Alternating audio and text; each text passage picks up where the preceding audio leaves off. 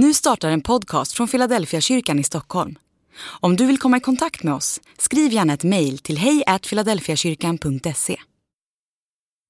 Dag 90 I våras var vi i USA. Vi gjorde ett antal kyrkbesök i olika delar av landet. Ett av de starkaste intrycken vi fick var den vänlighet som mötte oss när vi besökte en av de stora kyrkorna i Chicago. En kvinna mötte oss i foajén och följde oss under hela dagen.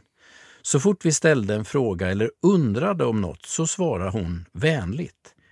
Om hon inte visste gick hon genast och tog reda på svaret någon annanstans.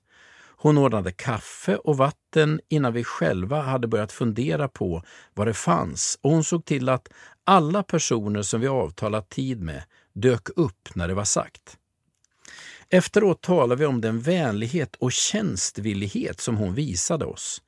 Hela hennes attityd kändes som balsam. Det fanns inget tillgjort eller plastigt över hennes sätt.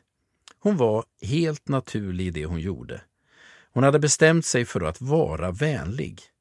Varje fråga och varje önskan tog hon som en möjlighet att visa värme och omtanke. Den kvinnan gjorde mot oss precis som Jesus gjorde när han tvättade lärjungarnas fötter. Han visade dem vänlighet och omtanke på det mest enkla och praktiska sätt.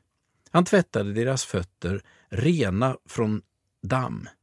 Det var ingen förbönsstund eller undervisningsstund. Det var ett praktiskt exempel på vardaglig omtanke.